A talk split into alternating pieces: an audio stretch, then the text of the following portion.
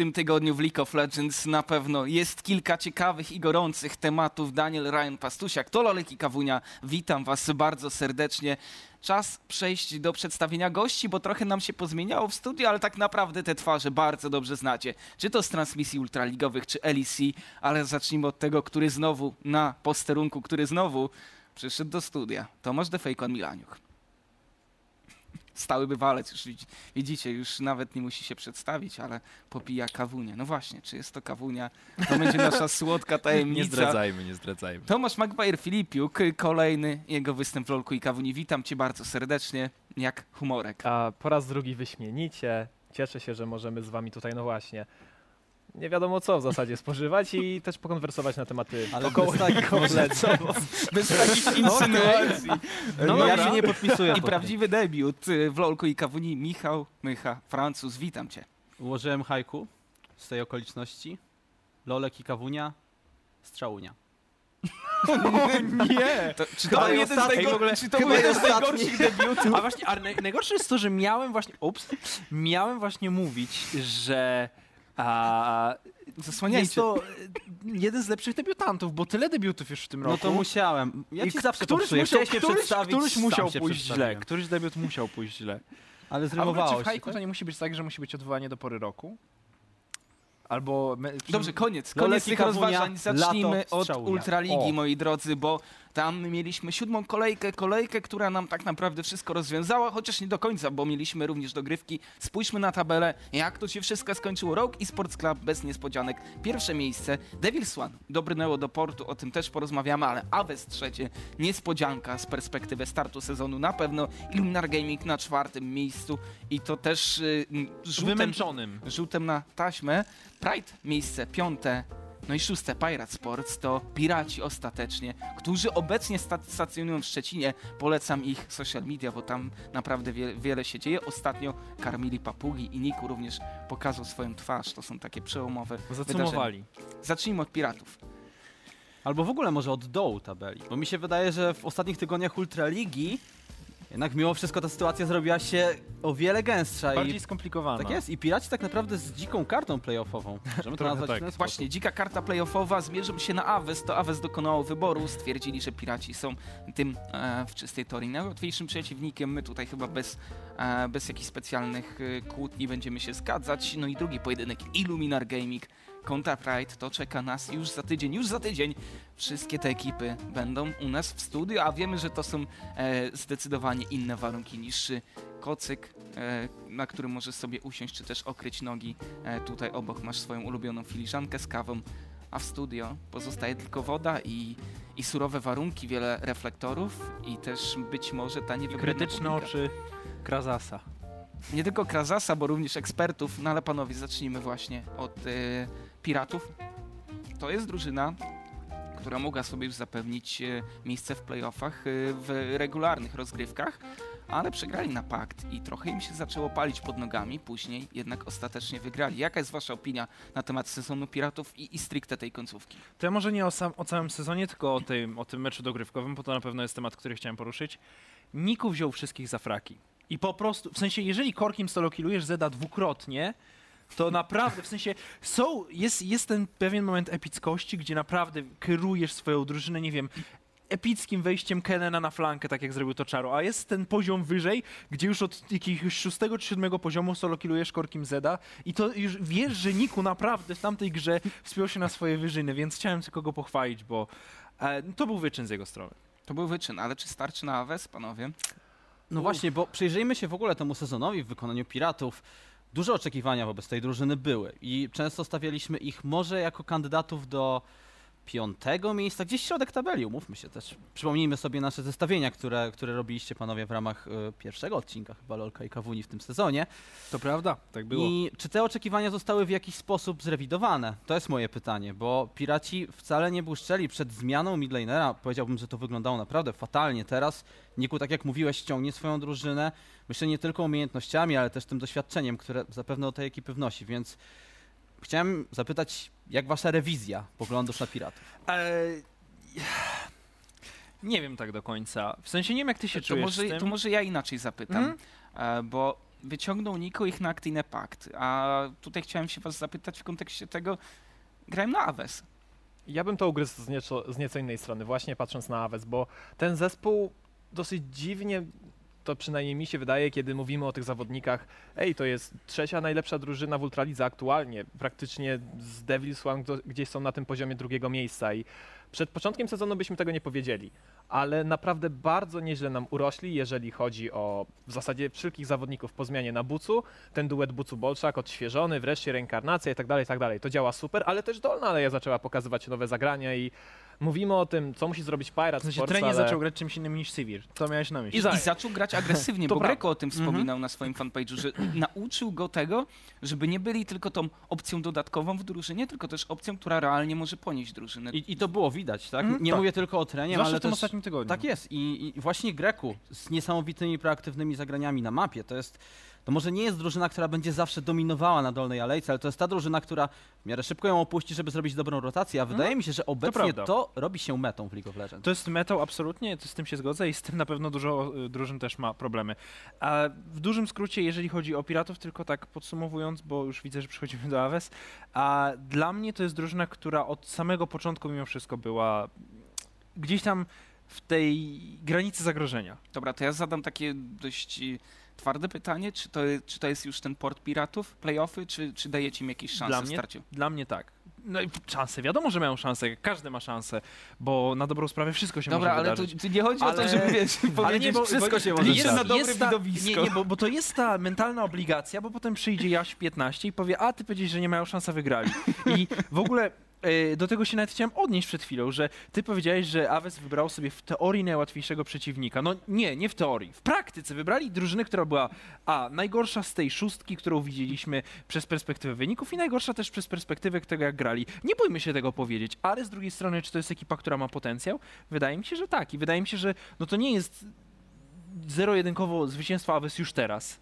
O, spodziewalibyśmy się tego i ja nie będę ukrywał, spodziewam się tego również. Myślę, że to będzie 3-0, może 3-1, ale widzę wszechświat, w którym a, Piraci wygrywają to. Więc Jaś 15 napisał tutaj jako ten internauta bardzo Mhm. aktywny, że usatysfakcjonowała go ta odpowiedź, bo nie Dziękuję, skreśliłeś jego ulubionej drużyny, czyli piratów. no i pozdrawiam Jana. A przejdźmy do drugiej pary e, ćwierćfinałowej i znowu Illuminar. My tutaj już w swoim środowisku lubimy mawiać, że Veggie na pewno zadowolony, bo e, wejdą w rytm playoffowy Tak jest, od początku. czasu. Im więcej gier, tym większe szanse. Jasne, oczywiście. Mają ten dodatkowy tydzień. Myślę, że będzie Kennen na pewno na górnej alei. Sejuani, ale, ale ja tak. chcę to ugryźć z innej strony, bo uważam, że Pride to jest drużyna, o której powinniśmy więcej porozmawiać, bo mniej znaków zapytania jest przy Illuminar, a ja widzę bardzo słabą tendencję przy okazji Pride, bo na początku nie do końca widzieliśmy mm, te problemy, kiedy Funky do nich dołączył, ale im dłużej oni grają w tym składzie, im dłużej grali w Ultralidze, jeszcze zostali dwukrotnie pokonani przez Illuminar. I że, okazji- to jest chyba najgorsze, że to właśnie Illuminar im sprezentowało takie, e, takie przekopy na Więc sam koniec. nic tylko wybierać Pride, gdzie na pewno to siedzi też i w ich głowach. Pamiętajcie, 17-letni dżungler to nie jest gość, który ma milion doświadczenia, jeżeli chodzi o granie. No z drugiej strony patrzysz na Illuminar i tam też najbardziej doświadczony dżungler jednak mimo wszystko nie gra, więc do czego dążę teraz? Okej. Mhm. Wydaje mi się, że te drużyny mimo wszystko będą bardzo podobne stylistycznie, ale to Illuminar będzie miało na pewno prym w tej serii, na pewno bardziej będą mogli zaskoczyć, bo i jedna i druga drużyna potrafiła nas zaskoczyć, czy to dziwnymi wyborami, czy to dziwnymi zagraniami, czy to ciekawą dziwnymi, nietypowymi. może- Nietypowymi, tak, tak, tak. bo Oczywiście nacechowane słowo. Też dobrą kooperacją między sobą, więc wydaje mi się, że tutaj jakby to są dwie w miarę podobne ekipy, tylko Illuminar po prostu wydaje się to wszystko robić lepiej w tym Masz- Zwłaszcza w ostatnich tygodniach. Siadasz w tym momencie tutaj na scenie, obok ciebie twój stary kumpel z drużyny Warsi, a mierzysz się na Płukiego i Delorda. No ja, nie, ja nie mogę powiedzieć Warsiemu, że przegra, bo wtedy to by spowodowało, że ja też z nim przegram grając, ale a, tak jak powiedzieliście, Pukiego- lista tych problemów Pride jest naprawdę długa, Tamken poczynając... Tamken Chezreal, ja z chęcią. Tamken Czas też. E, jakby ta lista problemów Pride jest naprawdę długa i ten najbardziej oczywisty, czyli zmiana Yashiro na, na Funkiego. Tutaj nowy zawodnik nie pokazywał się tak dobrze jak jego poprzednik, ale kiedy przechodzimy przez dalszą część, wydaje mi się, że Pride ma naprawdę bardzo wysoki sufit i pokazali to przede wszystkim w meczu na Rogi Sports Club. Jeżeli zobaczymy Warsiego, który znowu gra w taki sposób, jak niszczył Selfiego, czy zobaczymy Dankę, który kompletnie rozczytał ruchy Rybsona w jego debiutanckim meczu przeciwko Luminar Gaming, ja widzę wszechświat, w którym Pride pokonuje Luminar Gaming, tylko że Illuminar jest ostatnio bardzo stabilne i wszystko, co robią, wydaje się skoordynowane. Jest to bardzo stabilne. Tro, trochę mi to Też- nie współgra z tym szóstym to chodzi mi, życie. chodzi mi o ostatni tydzień, bo był bardzo przekonujący w ich wykonaniu. Okej, tylko Dobra. wiesz, to było takie spięcie, ale zobacz na ich e, komunikaty, kiedy zrobili to 0-2. Oj. Tak naprawdę sami nie potrafili do końca zdiagnozować, co było nie tak. Widz- Widziałem też duże rozczarowanie ich formą. Mm, znaczy, nie wiem, czy nie byli w stanie zdiagnozować, bo jasne, na, na socialach może nie dali tego poznać, ale możliwe, że gdzieś tam wewnętrznie było e, to rozczytanie. A ja tylko względem tego meczu chciałbym powiedzieć tyle, że Stawiajmy kropkę, Tom. tak, tak, tak. Wydaje mi się, że Pride po prostu jest bardzo zależną drużyną od jakiejś takiej krea- wewnętrznej kreatywności, od pierwszych poziomów, od jakichś swapów, od nietypowych wyborów. O, oni dużo gier wygrali w ten sposób i w pewnym momencie po prostu ten czas na wygrywanie takich gier się kończy i też Illuminar pokazała nam się jako, e, tak jak mówisz, eksperymentująca drużyna. Myślę, że to będzie cie- ciekawe best of five, niezależnie od tego, kto wygra. No właśnie. Tutaj na pewno też jest ważny wasz głos, dlatego przeprowadziliśmy dzisiaj rano ankietę na grupie Lolek i Kawunia na Facebooku. Komu będziecie kibicować w playoffach? Pamiętajcie również, że tam toczymy dyskusje w internecie, również jesteśmy na Spotify. O tym chyba nie mówiłem na samym starcie, ale spójrzmy jak głosowanie się nam rozłożyło i Luminar Gaming, ja o tym lubię powtarzać, żelazny elektorat tej organizacji, naprawdę zmiażdżyli innych, ale warto też... Oj, Hochlik, dobra, nam, się, komu Hochlik kibicujesz? nam się wkradł, jeżeli chodzi o Devil's One. Tutaj na pewno trzeba będzie to doszlifować, ale właśnie, Devil's One, a propos tego, na pewno słaby wynik, jeżeli chodzi o popularność. Więcej fanów Devil's One musi e, wbić na pewno na Tomek, naszą grupę. może wejdź na grupkę i zagłosuj w ankiecie. Nie, ja, przede kolegów. wszystkim e, zobaczyłem dopiero teraz sformułowane pytanie. Myślałem, że kto wygra w playoffach i tutaj byłem naprawdę zdziwiony, chociaż sądzę, że głosy mogłyby się podobnie rozłożyć, biorąc pod uwagę niezwykłe, niezwykle dużą wiarę pokładaną w Nie, ja tutaj jakby totalnie celowałem w to, komu kibicujesz, kto chciałbyś, żeby wygrał. Niekoniecznie e, będzie to związane z aspektem sportowym czysto. No i spójrzcie, dobry wynik Aves to na pewno jest coś, co nas zaskakuje względem y, choćby piratów, którzy Mhm. widać, że są aktywni na social media i mimo słabych wyników w perspektywie pozostałych zespołów na pewno zebrali sobie szerokie grono fanów, ale też martwić może mały wynik, jeżeli chodzi o Pride czy też Devil's One. Tylko pamiętajmy, że nasza społeczność wciąż mimo wszystko, pomimo tego, że progres został poczyniony i ludzie zaczynają coraz częściej lubić i kibicować drużynom, które niekoniecznie będą wygrywać, mimo wszystko często się kibicuje tym, którzy po prostu grają dobrze. I stąd może dlatego Aves tak wysoko, bo zobaczcie, że to się mniej więcej rozkłada podobnie do tabeli. Okej, Illuminar zawsze będzie miało, tak jak mówiłeś, żelazny elektorat, tutaj nawet druga runda wyborów nie byłaby rozpisywana, ale potem to jest bardzo bliskie tabeli, tego Znaczy, jak ona się rozkłada. Wydaje mi się, że akurat w perspektywie Aves to pamiętaj, że jest tak, Buco Bolszak, duet, który był Jasne. zawsze lubiany i też Buco ma relatywnie dużo fanów w Polsce. Też patrzę, czaru, tak? też patrzę na to, że to jest czaru. Dla tych starszych fanów zwłaszcza to będzie ten gracz, którego rozpoznają. Więc mi się wydaje, że trochę też taki historia Kopciuszka Mhm. podbiła to i jakby cała ta kula się tak napędziła. Ale ja bym się chciał od- odnieść do tego, co powiedział Daniel. Pride jest nisko. A Pride zawsze mi się wydawało tą organizacją, która mimo wszystko też ma swój znacznie mniejszy niż Illuminar, ale gdzieś tam analogicznie również żelazny ele- elektorat. A, Czy to jest ankiecie- trochę kwestia graczy? Bo Właśnie pamiętaj, że też- mieli bardzo lubiane duety, czy też po prostu gracze, którzy, którzy na pewno byli bardzo Ale też popularni. przydarzyła się wpadka drobna i To prawda. może tej perspektywie Ale wiesz, Defles na pewno spadku. tutaj już tyle razy widziałem posty dotyczące tego, zaproście Deflesa w końcu do Lolka, też na pewno ludzie go lubią. Tutaj duo Rybson Connective też y, na pewno w sercach fanów y, tym stracili urok. Illuminar, no właśnie, to, to może być coś, y, no i ta forma. Na pewno tutaj aspekt sportowy ma bardzo duże przełożenie, bo widzimy jak Aves y, zbudowało sobie e, fanów przy okazji tego sezonu. Do tego mają fajny styl, no nie oszukujmy się. Tak, czy chcesz oglądać zawodnika, który na środkowej alei cały czas gra Zira i Korkiego? Nie, zobaczysz Bucu, który wyciąga Talona, wyciąga Zeda i po prostu przeciwników raz za razem na łapie wyłapuje. Do tego Czaru z tą flanką pięcioosobową, on też pokazywał fajne zagrania. Jedną, drugą, trzecią. I, I jeszcze masz, jeszcze masz Greka, który tym treszem całkiem fajne huki, huki trafia, więc jeżeli jesteś takim, jeżeli jesteś fanem, który dopiero wszedł do e-sportu, widzi Ultraligę, ale mniej więcej kojarzysz, jak wygląda League of Legends, to po prostu popatrzysz na Aves i to są fajni goście do oglądania, fajni goście, żeby im kibicować.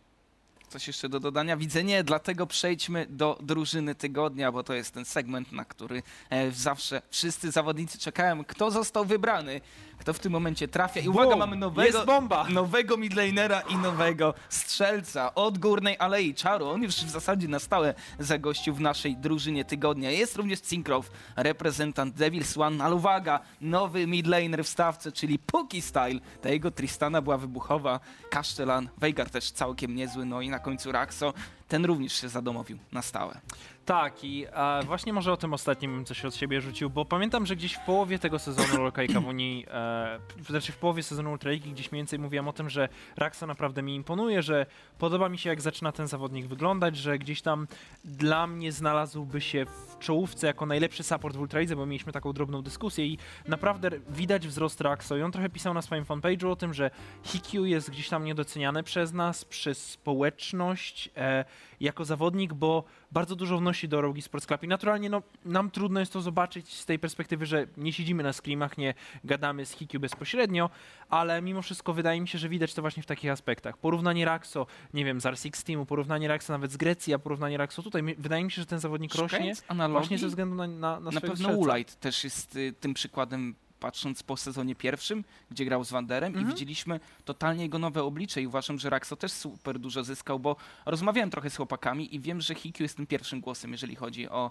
o właśnie drużynę i nawet Behave chyba ostatnio pisał, że jest strasznie niedoceniany względem tego, bo po Ja prostu się zgadzam z tym. nie widać. Żeby nie i, myślę, I myślę, że trudno jest polskiej społeczności jeszcze docenić Hikyu, a to dlatego, że rywalizacja o miejsce w głównym składzie między Woolightem a Hikyu była cały czas i Polacy często silnie będą naciskać. O to tak, chodzi, tak nie oszukujmy się. naszego, tak? I Hikyu na pewno jest tą postacią, która przede wszystkim wnosi doświadczenie z najwyższej sceny, tak? I też jest bardzo sympatycznym kolesiem, tak całkowicie Mhm. indywidualnie, ale urodził się 700 km dalej, więc wolimy Ulighta i to jest tak trochę... No może to, może to nie jest jedyny powód, ale myślę, Ale że to jest ta jeden z główna... Tak, tak, tak, pewnie. Okej, ja nieco studzę entuzjazm, bo chciałem się na górną aleję przenieść do czaru, ze względu na to, że ten zawodnik jest dla mnie interesujący w tym kontekście tego zestawienia, ze względu na to, że tydzień temu widzieliśmy świetne zagranie na Kenenie, te flanki wybuchowe i tak dalej, i tak dalej. W tym tygodniu nieco inną rolę przybrał. Przede wszystkim chcę wyodrębnić tę grę na Gangplanku, gdzie miał tragiczny start, bo przeciwnicy kompletnie go e, przyparli do ziemi. Tam były dwa dive'y i tak dalej, i tak dalej. Zaczynał z 0-2, nie miał teleportacji.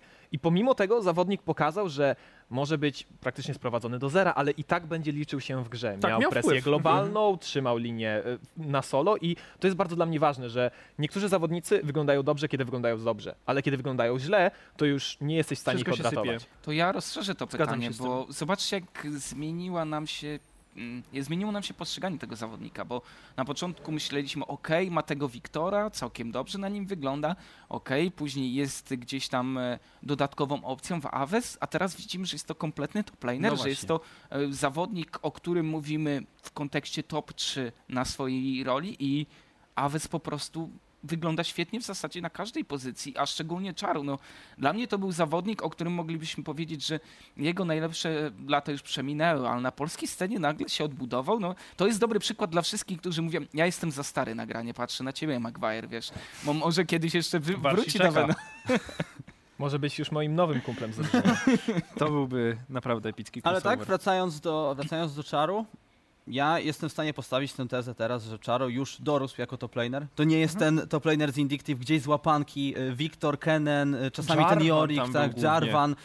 Były duże problemy z tym. Teraz Czaru myślę, że będzie grał tylko lepiej. To okej, to może nie będą ci top lanerzy pokroju Kamil i Reli, tak, ci, którymi musisz się uczyć grać naprawdę długo. I, I to jest ciekawe I musisz właśnie to dla mnie. czuć w ogóle. To jest dla mnie ciekawe, bo to jest pytanie, które ja ciągle sobie zadaję i jeszcze nie znalazłem na nie odpowiedzi. Czy te postaci się pojawią ewentualnie gdzieś tam kiedyś w przyszłości, czy się w ogóle nie pojawią Wydaje mi się, że on będzie utrzymywał styl. ten styl, Tak, tak, a tak. mimo to jakby, bo chodzi o to, że my się przyzwyczailiśmy do carry top lanerów takich jak IBO, jak Aggressivo, że gość bierze Jacksa i stąpuje gierkę Mhm. 1v9. Tych top lanerów takich jak Charo też mieliśmy. Nie wiem, nawet patrzę na Glebo z poprzedniego sezonu dla Illuminar Gaming, ale Czaru robi to tak dobrze, że być może nawet nie potrzebuje tej Ireli, być może nawet nie potrzebuje Jacksa. I mało tego, wpisał się bardzo dobrze w styl gry Mhm. Aves, bo e, oni muszą korzystać bardzo mocno z tych magicznych top lanerów, bo I, wiemy, i to że jest tak, w sensie to się wydaje takim absurdalnie dobrym zrządzeniem losu, że to wszystko się tak ułożyło. klocki się składają do całości, mamy trzecie miejsce. A mi się wydaje, że gdybyśmy jeszcze dali czaru właśnie takie możliwości, jak granie split pusherami, jakimś Jacksem i Relią, to byśmy mieli takie mini Misfits Premier w Polsce. Bo jeżeli mi się przypomina z poprzedniego EU Masters właśnie lider na środku grający asasynami, Dandan na split pushu i byśmy mieli właśnie taką mini replikę tego w naszym ultraligowym klimacie. I Obses tutaj... w dżungli. Nie, nie, czekaj, Bolszak. Bol, Bolszak jest y, oryginalny, jego nie da się po nie, prostu podrobić. nie da podrobić. Ale obaj są dobrymi Gregasami. To prawda, przejdźmy może dalej, panowie, e, bo czas nas nagli, a czas również jest w tym momencie na LEC, także spójrzmy na tabelę, zobaczmy co działo się w najlepszej europejskiej lidze. No bo królowie Europy są tylko jedni. Teraz już nie ma dyskusji na ten temat. Tomek trochę się na pewno skrzywi. Mówię tutaj o Maguire'ze, bo oczywiście Fnatic na miejscu egzekwo w tym momencie drugim. G2 Esports 12-2 i wbrew pozorom mieli tydzień 1-1, a mówimy o nich królowie Europy. Tutaj miałem pomyłkę, jeżeli chodzi o e, grupę Lolki Kawunia, gdzie napisałem, że Excel jeszcze już e, stracili jakiekolwiek szanse. szanse. Bo napisał o tym również. Quickshot w odpowiedzi do Mystika. No ale właśnie, to są cały czas matematyczne szanse, więc tutaj powoli będziemy niestety ich skreślać. SK My Polacy Gaming. jesteśmy fanami matematycznych szans. E, Tylko wiesz, że to już wtedy bardzo groteskowy e, o, przyjmuje wymiar, więc nie chciałbym już tego tematu ciągnąć dalej, bo zaczniemy zaraz liczyć matematyczne szanse Rogue, bo u nich też nie jest kolorowo, chociaż weekend y, week 1-1 to na pewno warto e, na to zwrócić uwagę. Vitality, no to są wielcy zwycięzcy, bo nikt nie liczył na zwycięstwo na G2, a jednak się udało. I ja o tym zwycięstwie może trochę, bo e, oprócz tego, że Vitality spełniło trochę moje błagania, które wysyłałem w Ether przy okazji omówień własnych, czy nawet na transmisji, żeby wziąć mocniejszy botlane, żeby przekierować trochę tej siły w grze, to już pomijając ten aspekt, zagrali naprawdę solidny mecz. Bo I, i ja to mam jest wrażenie, zaskakujące dla mnie. że ludzie bardzo dużo winy zrzucili na, Na tego, Garena. na tego biednego pana Garena, który całkiem nieźle sprawuje się w nieco innej odsłonie. Ale No Tutaj- nieco innej alejce? nie, na pewno e, jeżeli chodzi o Garena, to nie możemy tutaj, zresztą wiele głosów się takich pojawiło. G2 po prostu zagrało słabo i ten Garen był, wiecie, takim dorzuconym kamyczkiem do tego ogródka, a nie było a, bezpośrednim, e, że tak powiem, wynikiem tej słabej gry przegrania. Jak tutaj reagujecie na taką grę ze strony G2? Czy w ogóle zmienia to wasze postrzeganie, gdzie później totalnie miażdżą Fnatic? Oczywiście, pamiętajmy, że ten start nie był za dobry, bo też momentami myślałem, że tutaj Fnatic powalczy, ale nagle mrugnąłem okiem, 24 minuta, koniec gry, niszczą Nexus.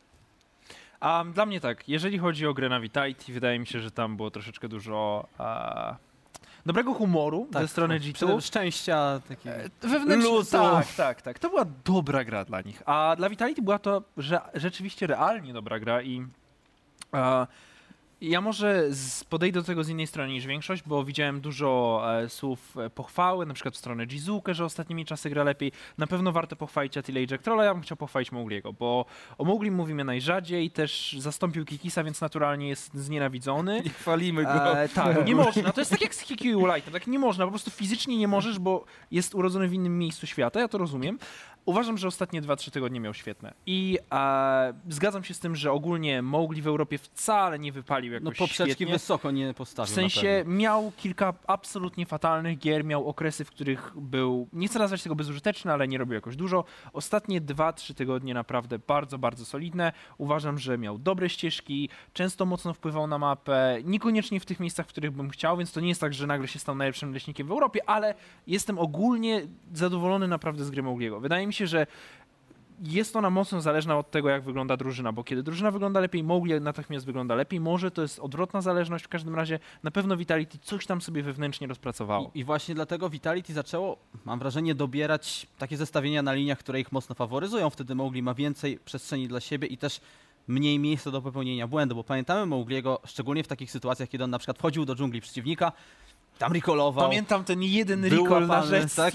Nie, panowie, tam nawet nie można mówić o tym, że był bezużyteczny, tam po prostu podkładał nogi. No tak, to tam- wyglądało jak trolling, to był autentycznie. Pamiętam ten fałszerstwa. jeden recall mi tak zapadł w pamięć.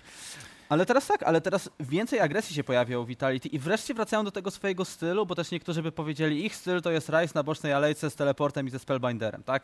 Ale nie zawsze, bo często pojawiało się dużo tej agresji, dużo dominacji, szczególnie na bocie. Mhm. Na tę alejkę patrzę i Jack Troll i Attila wyglądają jak na razie W sensie lepiej. ten fiddle od Jack Trolla, bo również Mhm, na niego świetnie. chciałbym zwrócić uwagę. ale To- też to genialna- jest genialna jego kontra. postać. To jest bardzo fajne, Tak, że znalazł tą swoją postać, nikt tego nie powiela, nikt nawet nie próbuje, a znajduje na pewno pomysł na siebie. To właśnie może być nieco inaczej, bo ostatnio zerkałem na solo kolejki zawodników z LEC i właśnie wielu wspierających podebrało tego Fiddlesticksa. Ze względu na to, jak świetnie działa w rękach Jack Trolla i wydaje, że, wydaje mi się, że gdybyśmy mieli stworzyć taką dolną aleję z Attilli i Jack Trolla i wybrać ich najbardziej Już są, nie rozpoznawalne musimy czempiony, to byśmy widzieli Vitality, które gra za każdym razem, Dravena oraz Fiddlesticksa. Mm, coś Oni takiego, by to w chcieli sensie robić. i, i ja się z tym zgodzę, bo właśnie to jest coś, na czym mi bardzo zależało, żeby ten botlane rzeczywiście e, zaczął nieco więcej zasobów dostawać w drafcie, bo czułem, że tak nie jest. I, Czułem, że I prostu- skontruję to i od razu Tak, tak. skontruję. Draven jest wyłączany w prawie każdej grze, w której I- gra ale Vitality. nawet nie jest Czy tak potrzebny. będzie z Fiddlestickiem? Gorąca dyskusja, ale stawiam Bo to, tutaj... bo to jest ten konkretny Stawiam wybór. tutaj panowie przecinek, e, bo uciekamy na króciutką przerwę,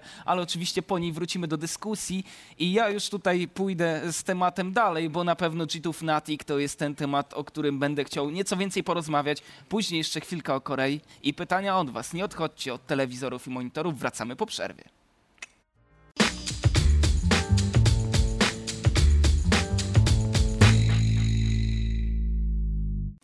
Jesteśmy już po przerwie. Lolek i Kawunia, Daniel, Ryan Pastusiak. Wraz z moimi gośćmi e, dzisiaj trochę przemieszany skład, ale już jesteśmy znowu. The Fake One, Maguire oraz Mycha. Dwóch Tomków, jeden Michał. E, Zacznijmy od tematu, który e, chciałem kontynuować. Przerwa nam to brutalnie przerwała. No i Fnatic kontra G2. moje serce krwawi po tym meczu. A, a tak szczerze mówiąc, G2 pokazało naprawdę świetne League of Legends i przez chwilę myślałem, że Fnatic będzie w stanie coś zrobić. Te początkowe kilka minut naprawdę zapowiadało się dobrze, ale potem tak G2 pokazało jasno i te, ten przekaz był dosyć prosty, że nikt do nich aktualnie nie ma podjazdu w Europie. No właśnie i na początku wydawało mi się, że całkiem nieźle reagują tutaj na rotację ze strony G2, ale tak jak mówiłem wcześniej, no, był ten moment, gdzie już stwierdziłem, ok, to jest droga bez powrotu. To jest trochę jak z bieganiem na, na bieżni. Biegnie obok siebie dwóch facetów i a, mają to samo tempo cały czas. W sensie jest to no, cały czas stopniowo podwyższane. I G2 wiecie, na początku biegnie sobie truchcikiem, Mhm. bez zadyszki, Fnatic też, ale wiecie, Fnatic to jest ten tryhard, co już przyspiesza i wyprzedza, ale tempo się cały czas zwiększa, zwiększa, wzrasta i G2 nadal sobie tam truchta bez zadyszki. Fnatic wjeżdża. już, ale, jeszcze, ale jeszcze lecą, jest ten tryhard i ach, z całych sił, ale potem tempo jest za szybkie i Fnatic już zjechało za, za bieżnia, G2 jeszcze na zegarek patrzy, ile zostało workoutu i ty No coś właśnie. o tym wiesz na pewno, jako siłowniany świr. O tak, pewnie. A, Myślałem, że tak no, często biegam z na, ale na bieżni. Ale co mam powiedzieć? E, G2 jest w tym momencie zdecydowanie najlepszą drużyną w Europie, ale to już widzieliśmy tydzień temu, myślę, że to już widzieliśmy dwa tygodnie temu. Myślę, że G2 jest jedną z najlepszych, jeżeli nie najlepszą drużyną na świecie obecnie, patrząc przez perspektywę a, bardzo pro, taką przyziemną, prymitywną nawet by się chciało powiedzieć, bo no trudno się porównuje między regionami. To jest Mhm. zawsze nacechowane bardzo dużą dozą błędu, ale mimo to wydaje mi się, że z perspektywy rotacji, rozumienia presji, draftów, tak G2 jest naprawdę trochę na innej planecie czasem.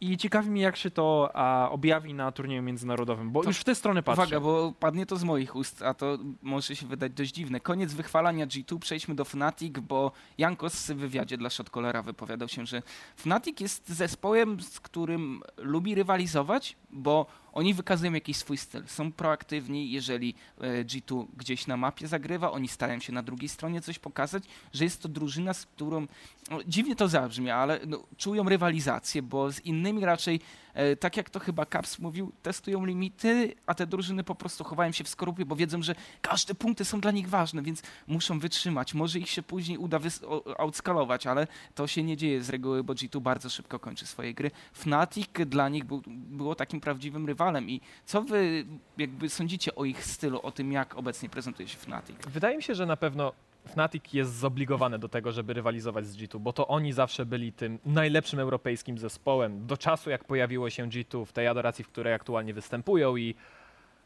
naprawdę taka rywalizacja pomiędzy dwoma zespołami, pomiędzy dwoma markami. G2 sądzę, że dasz dużym respektem Fnatic, bo tylko oni byli w stanie na przestrzeni lat rzucić im rękawice raz za razem i czy to z stronu ich e, zrzucić, czy, czy to sami wejść właśnie po trupach Fnatica. Jeżeli chodzi o ich styl, to Fnatic właśnie w meczach na G2 pokazywało dosyć podobny styl do tego, co robiło G2. Też zdecydowali się na nieco bardziej zwariowane wybory, byli proaktywni, bardzo agresywnie przede wszystkim w początkowym etapie rozgrywki próbowali przycisnąć na swojego przeciwnika i myślę o tej pierwszej grze z wiosennego splitu, gdzie Fnatic naprawdę rozbiło G2. Teraz było na odwrót, ale widać było, że Fnatic próbowało zrobić to znowu, grając przez górną część mapy i odciążając Recklessa, który ostatnio, no ta karma, Ale to mi się wydaje, że to jest strategiczny wybór, bo Tak, ja tak. widzę dużo takich komentarzy, że Reklesowi siadła psycha i dlatego gra karmą. To jest bardzo możliwe, ale przypominam wam, że na przykład kiedy Ken nie był w mecie, Fnatic też używał Kenena do momentu, w którym wszyscy zaczęli go banować. I to jest coś, co Fnatic robi już od wielu, wielu I lat. to jest strategia potencjalnie przedplayoffowa, pamiętajmy, bo kiedy Fnatic wejdzie do playoffów, nagle się okaże Tristana. Ban Karma, tak, i Ban Karma cały czas na Fnatic, bo oni mogą wyciągnąć, bo oni tak jakby Oni skonstruowali bardzo cały, cały ten styl gry, tak, pod karmę, nie Oni oszukujmy się. doskonale używają I nagle to. może się okazać po prostu, że Fnatic, okej, to my Tristana. I to Tylko niekoniecznie wiecie, jaki jest problem, bo Kennen to był poniekąd archetyp strzelca, a Karma to jest totalnie co innego i Karmę też kojarzymy z jego złych czasów, kiedy nie potrafi się dostosować do magów, ale ja chciałem zapytać Ale o te coś czasy już minęły bez powrotu. Chciałem Tak. zapytać o coś innego, Mycha. Jak ty się czujesz, kiedy e, Caps pokonuje Nemezisa Azirem, czyli de facto jednym z jego ulubionych czempionów? No, wiesz, pokonał go tak naprawdę jego bronią. To jest, cały ten draft G2 w ogóle y, był bardzo podobny do tego, co widzieliśmy chociażby w seriach na SKT, na MSI. I dlatego tak gra mi się tak bardzo podobała, bo przede wszystkim był ten pike dla G2, niekoniecznie na górnej, niekoniecznie na środkowej alei, tak? Ale ważne, że był ten pike, bo on teraz idealnie działa jako support i widać było, że G2 wchodzi w swój styl gry w okolicach tej 20-17 minuty na środku, tam szukają zabójstw i tam momentalnie biorą przewagę. I ten Azir bardzo mi się podobał z tego powodu, że raz możesz na zrobić naprawdę dobre zagranie właśnie w dżungli, gdzie jest ciasno, gdzie możesz wszystkich wyrzucić swoimi żołnierzami, ale też dlatego, że nie musisz zbyt dużo ryzykować na środku. Wystarczy, że dojdziesz do tego etapu, kiedy wszyscy się zbiorą wokół twojej alei. Mogłoby się wydawać, ok, gramy teraz Arama. Otóż nie, G2 po prostu w 10 sekund rozwiązuje całą sytuację i mają przewagę. No A właśnie. Ja tylko szybko Mhm. To kropeczka Michała. E, jeżeli chodzi o Azira, to był też dobry wybór w tego Twisted Fate'a, bo dawał priorytet i dzięki Mhm. temu Nemesis nie mógł uciekać, a to jest coś, o czym ja I już schodzić, i grać mapą. czas gadam, że Tak Fnatic jest. ma problem z mapą. Moja druga myśl względem Fnatic, żyją i umierają Broxachem. Jak ten koleś ma dobry early game, Fnatic wygląda dobrze. Kiedy Broxa nie istnieje, wtedy Fnatic gra dużo, dużo, dużo, Europejski Actina Pack, tak to spuentuje z delikatnym uśmiechem na twarzy. E, Chciałbym również przytoczyć pewnego tweeta jeszcze przed pytaniami dla widzów, bo myślę, że to jest e, całkiem niezła ciekawostka dla wszystkich fanów y, G2, a zakładam, że kilku z nich ogląda nasz program. Carlos, Jeden z nich przywołuję nawet cię. prowadzi. Co to za insynuacje? No właśnie, Carlos, nie, nie całego tweeta mogłem przytoczyć, niestety, ale jak widać całkiem nieźle Carlos opanował, czyli właściciel organizacji G2 e, język polski. Polska koszulka G2 nadchodzi i myślę, że to jest całkiem ciekawy ukłon w stronę polskich fanów, ale to też jest znak, o który chciałbym zauważyć, czyli jesteśmy silną społecznością. Lokalizacja też. Mhm. Pamiętajmy. Dla organizacji to będzie ważne. Utożsamianie się z danymi regionami, z danymi, z danymi narodowościami. Jankos jest bardzo ważnym graczem w G2, nie? Tak jest i to w ogóle będzie leitmotiv całej Europy potencjalnie, bo pamiętajmy, że to nie jest Ameryka, gdzie franczyza przebiega bardzo jednolicie. U nas system franczyzowy to przede wszystkim połączenie różnych nacji, tak, więc często będzie to wybijane gdzieś tam na piedestał i na pewno te narodowości będą wybrzmiewać właśnie w takim kontekście. Mi się to bardzo podoba. Ja też widzę, że rzucili trochę tutaj rękawice Rogue, bo które e, gdzieś tam e, trochę zagospodarowało sobie rynek polski, ale też nie do końca, bo widzę wiele przestrzeni jeszcze do działania. A tak jak mówię, ja uważam, że y, powoli organizacje również doceniają polską społeczność, bo gromadzimy naprawdę sporą ilość widzów, czy przy okazji Ultraligi, czy przy okazji LEC, gdzie te liczby są jeszcze większe, a Jankos, no dla nas to jest w tym momencie taki role model. Dobro narodowe. Dobro narodowe, to No na słuchajcie, pewno. ja jako fan Fnatic zadeklarowałem, że kupię sobie koszulkę G2 polską, więc Bluzę już jeżeli, masz. jeżeli Carlos mnie przekonał, to przekona Ale jesteś każdego bardziej Polaka. fanem Polski czy fanem G2? Obydwu. Okej. To gdzie wrzucisz tą koszulkę? Pomiędzy Pod koszulkę G2, Origin, którą czy, czy tam Będzie za do Fnatic? Tak, tak, wiesz, jak stare koszulki się przerabia na ścierki, to akurat. Nie, no nie, absolutnie. E, Sądzę, że powieszę ją w, jakimś, w jakiejś ramce nad łóżkiem. To na pewno. E, oczywiście zachęcam wszystkich do tego, aby śledzili tutaj e, sociale G2, bo na pewno więcej informacji pojawi się wkrótce. My będziemy przechodzić do tematów koreańskich. Tomek, ty się na pewno aktywnisz, ale również nie bez powodu pojawi się tutaj Mycha, który e, całkiem e, dobrze śledzi tą scenę. Również e, zacznijmy od wesołych tematów. E, Przejdźmy powoli do tabeli LCK. Wesołe tematy. Wesołe tematy. I nie będziemy rozmawiać o Giner, to na pewno. SKT, co tu się wydarzyło? Oni po MSI nie wyglądali za dobrze, mieli w tym momencie już być przekreśleni względem Warców, ale to nie tylko SKT, bo spójrzmy na Exequo miejsce drugie, w zasadzie pierwsze w tym momencie, Genji. Genji jest również tutaj i zaraz się okaże, że Od znowu... czego chcesz zacząć, Danielku? Bo są dwa potężne tematy. Genji. A Genji, ja ten styl trochę już klasyfikowałem w ostatnim tygodniu, kiedy rozmawialiśmy o LCK, bo to była jedna z tych drużyn, które polecałem ludziom do oglądania i cóż mogę powiedzieć, zbliżamy się wielkimi krokami do kwalifikacji regionalnych. Dla tych z Was, którzy może nie do końca kojarzą, e, jeszcze za czasów Samsung Galaxy Genji było, e, znaczy Samsung Galaxy ówcześnie było formacją, która mm, sukcesywnie odpadała przy okazji playoffów, a później już jako Genji również. Pierwsza runda bardzo często w playoffach była porażka 0-3 albo 0-2, jeżeli to był wildcard i potem w gauntlecie się odbijali. Tutaj w ramach ciekawostki mogę powiedzieć, że Samsung Galaxy w 2016 roku miało 19, s- 19-seriową passę porażek na Katie Rolster w całej swojej historii działania. I właśnie w Gauntlecie przerwali tę serię, wygrywając. I to, to był absolutny upset wtedy, wygrywając na Katie Rolster, pozbawiając również Katie Rolster wtedy możliwości udziału w Mistrzostwach Świata. Jeżeli dobrze pamiętam, 3 do 2 e, w finale rękawicy. Więc to jest, to jest ta historia. Ja uważam, że względem tych zachodnich fanów dziwnie by było, gdyby SKT nie pojawiło się, bo wiemy, że oni wzbudzają największe emocje i też to jest to, Tomku, o czym my rozmawialiśmy chwilę przed startem programu, że Mhm.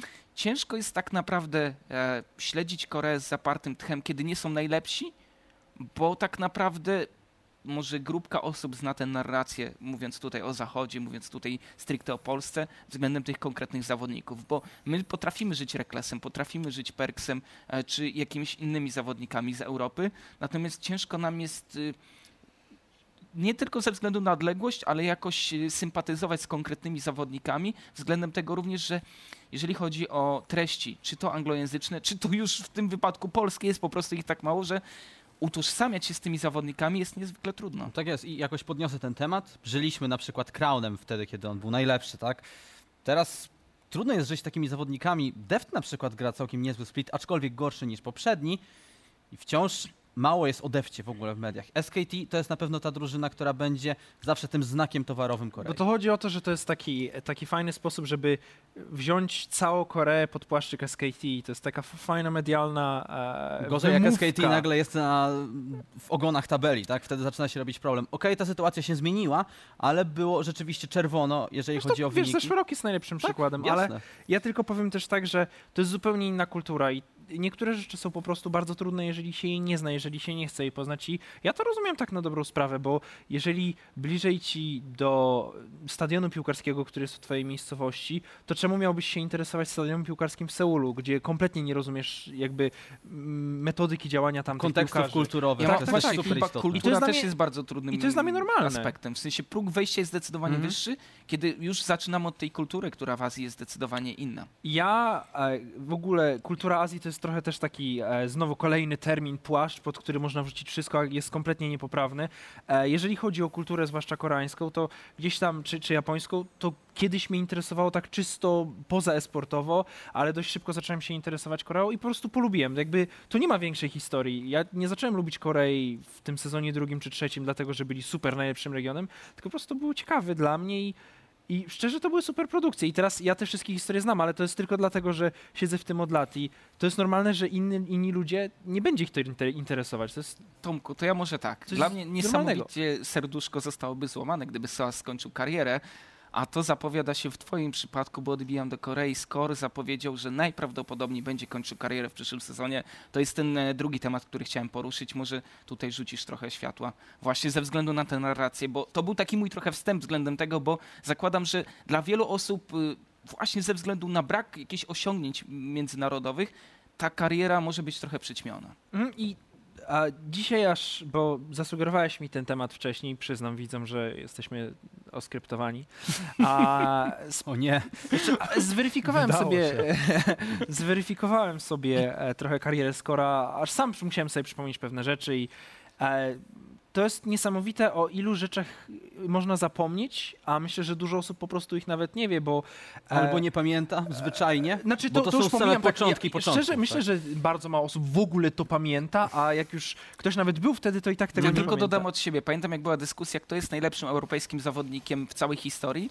I kiedy pojawił się mój głos, że Soas, i to już pomijając moją sympatię, widzimy, że przez 8 sezonów y, na, ca- cały czas był na wyżynach, to nagle ludzie się zdziwili, jak można stawiać go obok Perksa, bo no okej, Perks jest teraz w blasku reflektorów, ale wszystkie sezony Ligi Legend to w zasadzie jest cały czas Soas. Ale kontynuując, A to ja tak, taką bardzo postaram się krótko przedstawić może historię kariery Skora, bo zaczynał bardzo wcześnie, jeżeli chodzi o koreańskie League of Legends. Pamiętajmy, że tam troszeczkę później to wszystko nadchodziło w kwestii bety i potem wydania autentycznego klienta koreańskiego, ale już od 2012 grał w barwach Startail. To była organizacja, w której grało trzech kumpli. Zakładam, że znacie ich. Maguire, Warshi i... Moi, moi... A, I ten trzeci. A, i Skor. E, był to przede wszystkim Ryu, był to Skor i był to e, Zefa, jeżeli Mhm. dobrze pamiętam. I to, co jest najzabawniejsze, że Zefę możecie kojarzyć, jest obecnym Jest trenerem. trenerem. Invictus Gaming. E, za to grali tam również Loco Doko i grał tam również Koma w lesie dla Skora. E, Przy czym... on, wow. ta jego kariera już nie była taka. W sensie ona się skończyła wraz ze Startail, czyli w 2012. E, nie, przepraszam, nie Zefa, tylko Mafa. Mafa, no Mafa, właśnie, nie Zefa to... Zefa i trenuje gdzie indziej, więc przepraszam za pomyłkę. W każdym razie, No e, i to, to też się można pomylić swoją drogą. W każdym razie był to Mafa i Mafa jest obecnym trenerem Invictus Gaming i potem Score, Mafa i właśnie Ryu dołączyli do Katie Rolster i w Katie Rolster do samego końca już Score został i to jest też dla mnie taka piękna sprawa, że związał się z jedną z najbardziej renomowanych koreańskich organizacji i do samego końca będzie w Pozostał niej grał wierny, tak pozostał wierny. E, czy to na AD, czy w dżungli, bo pamiętajmy, że e, ta rola się zmieniła przy okazji zamknięciu Sister Teamów, czyli w 2015 zmienił rolę. I to jest chyba coś, o czym chciałbym najbardziej porozmawiać. Swego czasu uważany za jednego z najlepszych strzelców na świecie, miał jeszcze przy pseudonim Skorki, bo był Skorki, takim tak super jest. korkim i I The Immortal przez to, E- że rozegrał ileś tam serii bez żadnej śmierci. tak, taki w ogóle był liderem, absolutnym liderem KDA w Korei w sezonie drugim albo w sezonie trzecim, nie pamiętam, nie ma jakiegoś super dużego znaczenia. W każdym razie chodzi o to, że em, na pozycji strzelca wyrobił sobie renomę jednego z najlepszych, ale zawsze był gdzieś tam odzierany z tych tytułów. Zawsze nie udawało się pokonać SKT, zawsze nie udało się wygrywać Worldsów, nie udawało się wygrywać Splitów tak często i jako strzelec gdzieś tam to przemijało i potem zmienił rolę, oczywiście został junglerem, gdzie na początku nie było to jakaś super rollswap, ale potem stał się według mnie najlepszym junglerem na świecie, tak możecie się ze mną kłócić, możecie się ze mną zgodzić, dla mnie Score jest ojcem tego, co uważamy za puffingowy jungling. Obecnie to był absolutnie najmądrzejszy leśnik na świecie. Kiedy Karsa gdzieś tam zaczynał swoją karierę jako właśnie ten bardzo inteligentny leśnik, kiedy Pinat jeszcze w ogóle nie grał, to Skor już e, uczył dzieciaki, jak się chodzi po lesie i, i to jest dla mnie niesamowite, Wspierał że można być w dwóch pozycjach, można być absolutnie topowym graczem na świecie, nie w Korei, Ale na nie świecie. masz sukcesów i to jest ten największy problem, bo ja rozmawiałem z Jankosem na ten temat. Mówię, Marcin, w końcu tak naprawdę ta twoja kariera została poważnie zaznaczona. W końcu ludzie zaczną zauważać, jak jesteś dobrym zawodnikiem i to się teraz dzieje, bo nie rozmawialibyśmy, zakładam, w kontekście e, MVP splitu, jeżeli chodzi o Marcina, gdyby właśnie nie te sukcesy, które pojawiły się, gdyby nie to, że trafił do najlepszej drużyny w Europie. Ja będę to kończył, gdyż chcielibyśmy jeszcze e, porozmawiać chwilę o pytankach od was, dlatego przejdźmy do nich. E, No i sprawdźmy, co tam e, w grupie Lolek i Kawunia.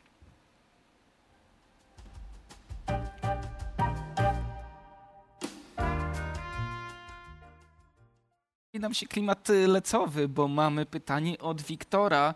I to jest pytanie, które na pewno ja bardzo mocno lubię. Kto drugi na Worldsy z Europy Fnatic, czy może Splice na Worldsach dalej aktualne? Myślę, Hashtag że jedno, jedno i drugie, bo Splice na pewno może się dostać, ale e, Fnatic również jest... Y, Fnatic jest po prostu e, na pewno tym dużo bezpieczniejszym e, w perspektywie best of e, piątek e, kandydatem do tego, żeby zająć drugie miejsce. Czy, czy No i macie też inne teoretycznie zdanie? punktacji, bo w wiosennym splicie to Fnatic zajęło trzecie Mhm. miejsce, więc e, jeżeli chodzi o tą punktację w klasyfikacji głównej do Mistrzostw Świata, no to wiosenny split nie jest aż tak ważny jak letni, dlatego teoretycznie z natury rzeczy powiedzielibyśmy, ej, to jest Fnatic, ale jeżeli to Splice zajmie drugie miejsce, to nagle oni mają więcej punktów i to oni pojadą, jak, pojadą jako druga reprezentacja. W każdym razie Cieszę nie mnie, że wszyscy wyobrażam- założyliśmy, że G2 wygrywa split. Tak nawet nikt się nie zająknął No, o tym, że mogą nie No wygrać. nie oszukujmy się, To nawet jest ja ten to jedyny założyłem. rok, kiedy możesz to ale bezpiecznie to jest założyć. Super, to jest super, Ale podoba wiecie, się to. czy, czy wygrały split, czy nawet by się potknęli, chociaż nikt tego w ogóle nie zakłada, to i tak wiemy, że z punktów mają bardzo mocną pozycję. Dla mnie ciekawsze jest pytanie nie kto drugi, bo zakładamy, Kto że Fnatic trzeci? i Kto tak w trzeci? jakiś sposób się tam dostanie. Hashtag Splice na Czy to Worldsy. będzie Splice, czy to będzie Origin? Ja mówię, pamiętajcie, że warunki ja mówię- gantletowe są A szalkę, całkowicie czy inne. szalkę w ogóle nie bierzecie pod uwagę. ja nie, ja nie Ja biorę, bardzo. ja biorę. Ja nie ironicznie mówię o Vitality. Ja wiem, że to brzmi jak... Europejskie Gen G Nie, nie, nie. Hear me out. z, z trochę krótszą historią. przepraszam, byli drudzy rok temu, tak? Jest naznaczone problemami. Mają gorsze gry, mają powolne gry.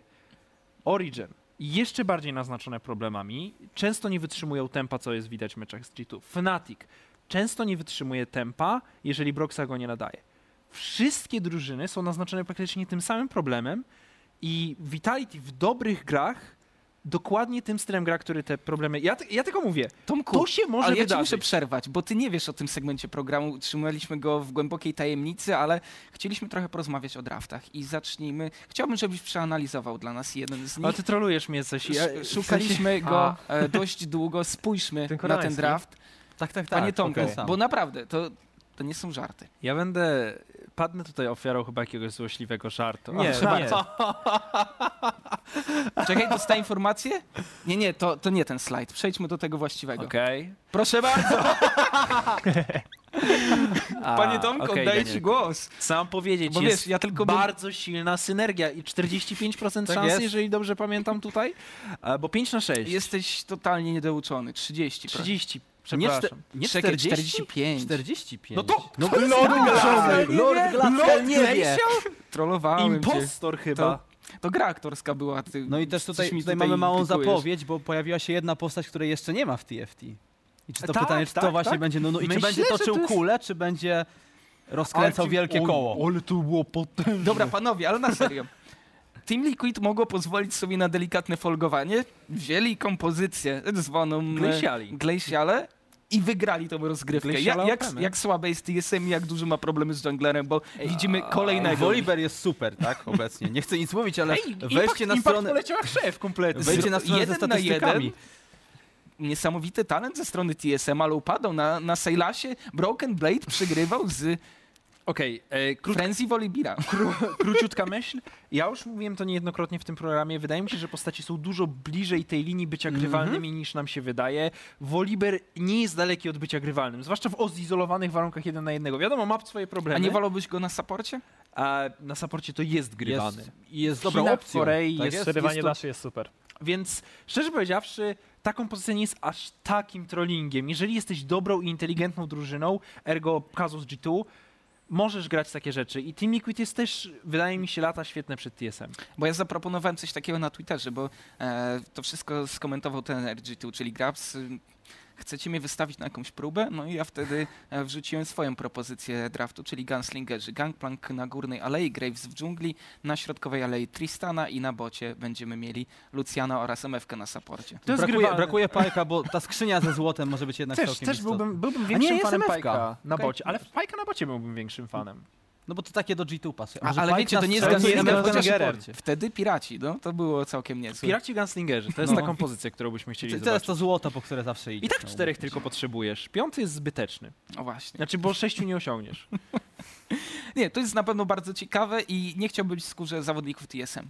Kiedy widzisz, że jest to, Szczerze, ale to też, w sensie, ta kompozycja nie była wcale aż takim trollingiem, żeby ich obarczyć Co za było większym. Garen go- czy są, Glaciale? są gorszą drużyną po prostu i ja, chodzi o to, że można grać naprawdę dużo rzeczy Mhm. obecnie w League of Legends. Jeżeli rozumiesz, i to jest, wracamy do tego samego, dużo ludzi będzie chwaliło G2, bo grają nietypowe postaci, gdzie tak naprawdę sukcesy leżą dużo głębiej gdzieś tam w korzeniach, w tym jak grać presją, jak rozumieć konkretny matchup, jak rozumiesz, gdzie jest twój strong side, gdzie jest weak side. To są podstawowe rzeczy, których ludzie nie rozumieją, bo, bo i łatwiej jest powiedzieć, o, sfleksowali, to wygrali.